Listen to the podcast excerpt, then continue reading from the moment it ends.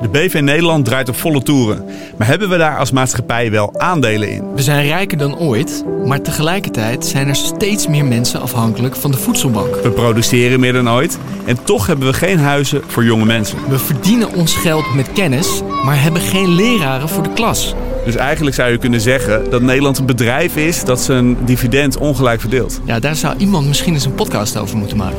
Ik, Sander Heijnen, volg samen met Hendrik Noten de politieke en economische ontwikkelingen op de voet. Met deze wekelijkse podcast loop jij voorop met al het nieuws over de BV Nederland.